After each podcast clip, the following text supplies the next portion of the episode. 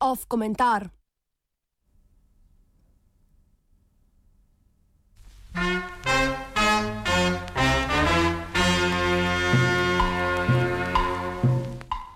Johan, John ali Juan.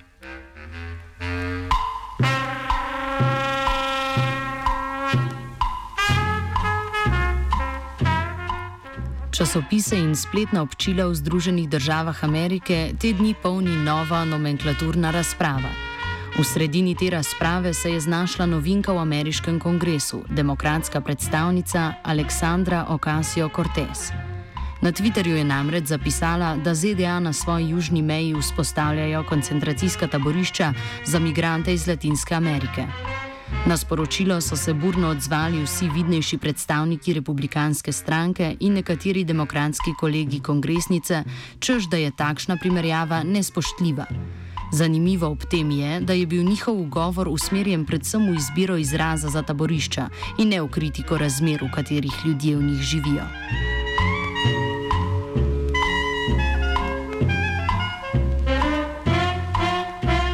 Glavni očitek je tako nespoštovanje zgodovine trpljenja judov v koncentracijskih taboriščih nacistične Nemčije, ob čemer ni jasno, zakaj je koncept koncentracijskega taborišča rezerviran za ta specifičen zgodovinski dogodek. Na prvem mestu takšnim oskim razumevanjem termina nasprotuje večina slovarjev in podobnih izrazoslovnih pripomočkov. Ti koncentracijska taborišča definirajo kot taborišča, kjer se v slabih razmerah z oboroženo stražo kopiči večje število beguncev, političnih ali verskih nasprotnikov in vojnih ujetnikov.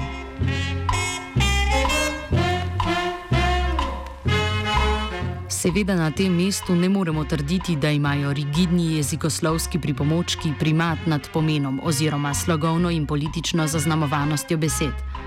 Ravno ta naj bi bila pri komentarju o Kasijo Cortezove najbolj problematična. Z izenačenjem begunskih centrov je, po besedah njenih kritikov, razvrednotila spomin na holokaust in vlado predsednika Donalda Trumpa izenačila z nacistično Nemčijo. Če odmislimo dejstvo, da podpornike predsednika skrbi slovarska definicija vladnih politik, nam ostane vprašanje monopola nad rabo besede koncentracijska taborišča.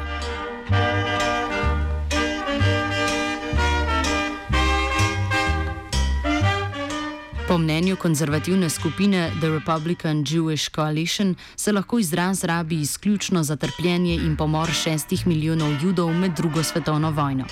Kakršnakoli druga raba izraza je nespoštljiva in blati zgodovino trpljenja judovskega naroda. Taborišča, ki so bila stalna praksa kolonialnih oblasti v Afriki, iztrebljevalne politike japonske vojske na Kitajskem in ameriška nastanitev domorodcev na Filipinih, pač niso dovolj hude kršitve človekovih pravic, da bi si zaslužile izraz koncentracijska taborišča.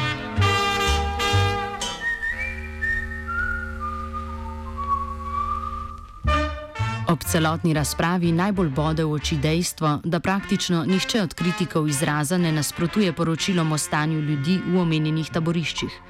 Večkratna opozorila človekoljubnih organizacij, da nastanjeni v njih nimajo osnovnih življenjskih potrebščin za preživetje in temeljno higieno, so pri varuhih ameriške meje naletela na gluha ušesa.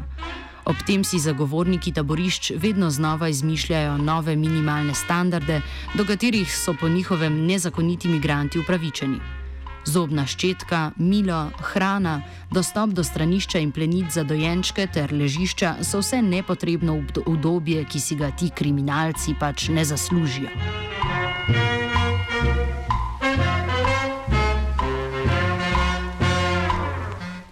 V ozadju celotnega nomenklaturnega političnega spektakla, ki se odvija pred našimi očmi, seveda poteka mrzlična bitka za dobiček, ki je stalnica ameriške politične scene.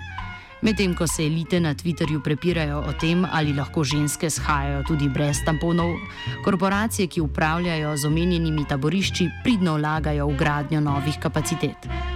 Vlada ZDA namreč za vsakega zaprtega begunca plača do 750 dolarjev na dan, največ za otroke pod 12 letom.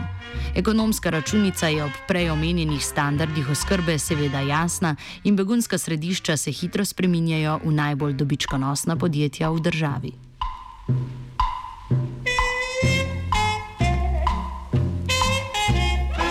Ponovno spremljamo tip političnega diskurza, ki je predsedniku Trumpu pomagal zmagati na volitvah. Substantivna in pomembna vprašanja se reducira na enostavno ideološko in identitetno obmetavanje z blatom, ki bolj kot reševanju težav služi političnemu samozadovoljevanju podpornikov obeh strani. To omogoča zagovarjanje vedno hujših politik na obeh straneh, saj je vsebinska razprava sekundarnega pomena nasproti ideološkemu navijanju za svojo ekipo.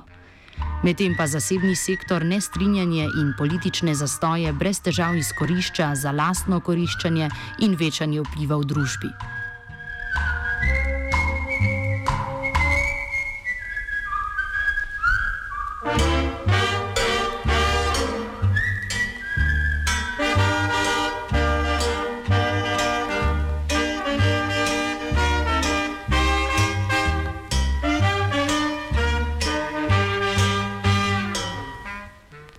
Medijski stroj ustvarjanja ideološko nabitega identitetnega političnega diskurza smo lahko v akciji spremljali ob nedavni prvi debati demokratskih kandidatov za predsednika. Že sam format tako imenovane debate onemogoča kakršnokoli resno razpravo in je namenjen kratkim, sočnim, praznim izjavam za lažjo medijsko reprodukcijo. Kandidati imajo na voljo 30 ali 60 sekund za odgovor, večkrat pa jih pozovejo k tako imenovanem down the line krogu odgovorov, v katerem morajo na dano vprašanje odgovoriti z eno ali dvema besedama.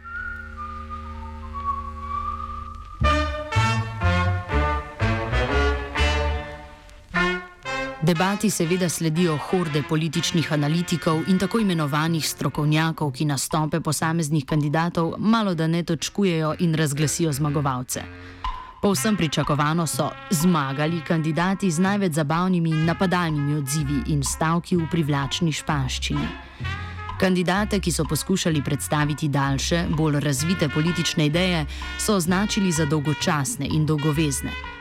Edino pravo presenečenje debat je bila relativno slaba ocena nastopa sicer karizmatičnega in zabavnega nekdanjega podpredsednika in do zdaj favorita za nominacijo Joea Bidna. Televizijsko debato so morali tokrat zaradi izjemnega števila kandidatov, zaenkrat jih je v igri še 20, razdaliti na dva večera. Mnogi v demokratski bazi namreč zaradi izjemne nepriljubljenosti trenutnega predsednika, podobno kot pred štirimi leti republikanci z Obamo, vidijo priložnost v preboju na najvišjo funkcijo v državi.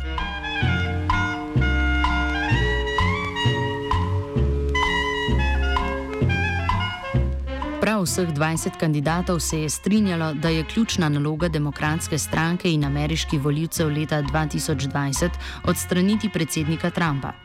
Če smo pred štirimi leti v republikanski stranki spremljali politično klanje in vse splošno žaljenje, je tokratna demokratska konkurenca veliko bolj složna. Kandidati so na debati predvsem gradili svojo politično identiteto in niso prehudo napadali napak in hip svojih nasprotnikov. Seveda, kot že omenjeno, to ne pomeni, da je bila debata vsebinska, saj smo poslušali predvsem bolj ali manj uspešne poskuse poistovetenja z določenimi ideološkimi in etničnimi skupinami, ki sestavljajo volilno telo stranke.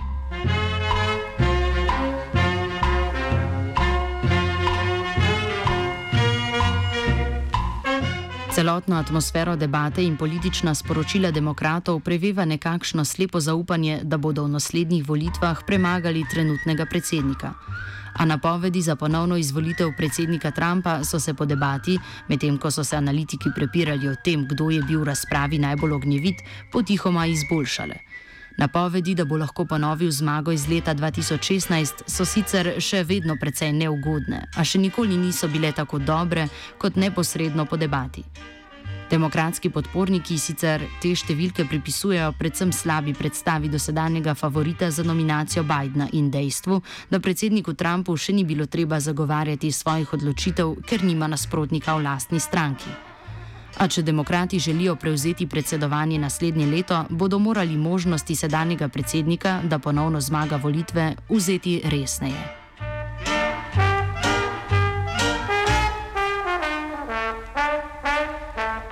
Ista odmaknjenost in neupoštevanje velikega dela ameriške javnosti, ki jih je stala zadnje volitve, jih lahko ponovno pokoplje naslednje leto. Srčika tega vprašanja je ravno razlika med identitetnim diskurzom in vsebinsko politično razpravo, ki je v zadju vprašanja o koncentracijskih taboriščih. Demokrati zadnjih volitev niso izgubili na substantivnih vprašanjih, ampak na vprašanjih rase, vere in politične ideologije. Ker nič ne kaže na kakršno koli spremembo, se diskurzivna narava demokratičnega političnega procesa spreminja v enostavno tekmo številk in mobilizacije volilnega telesa. Zgodovinsko so v tem tako glede oblikovanja ugodne volilne zakon zakonodaje kot mobilizacije voljivcev uspešnejši republikanci.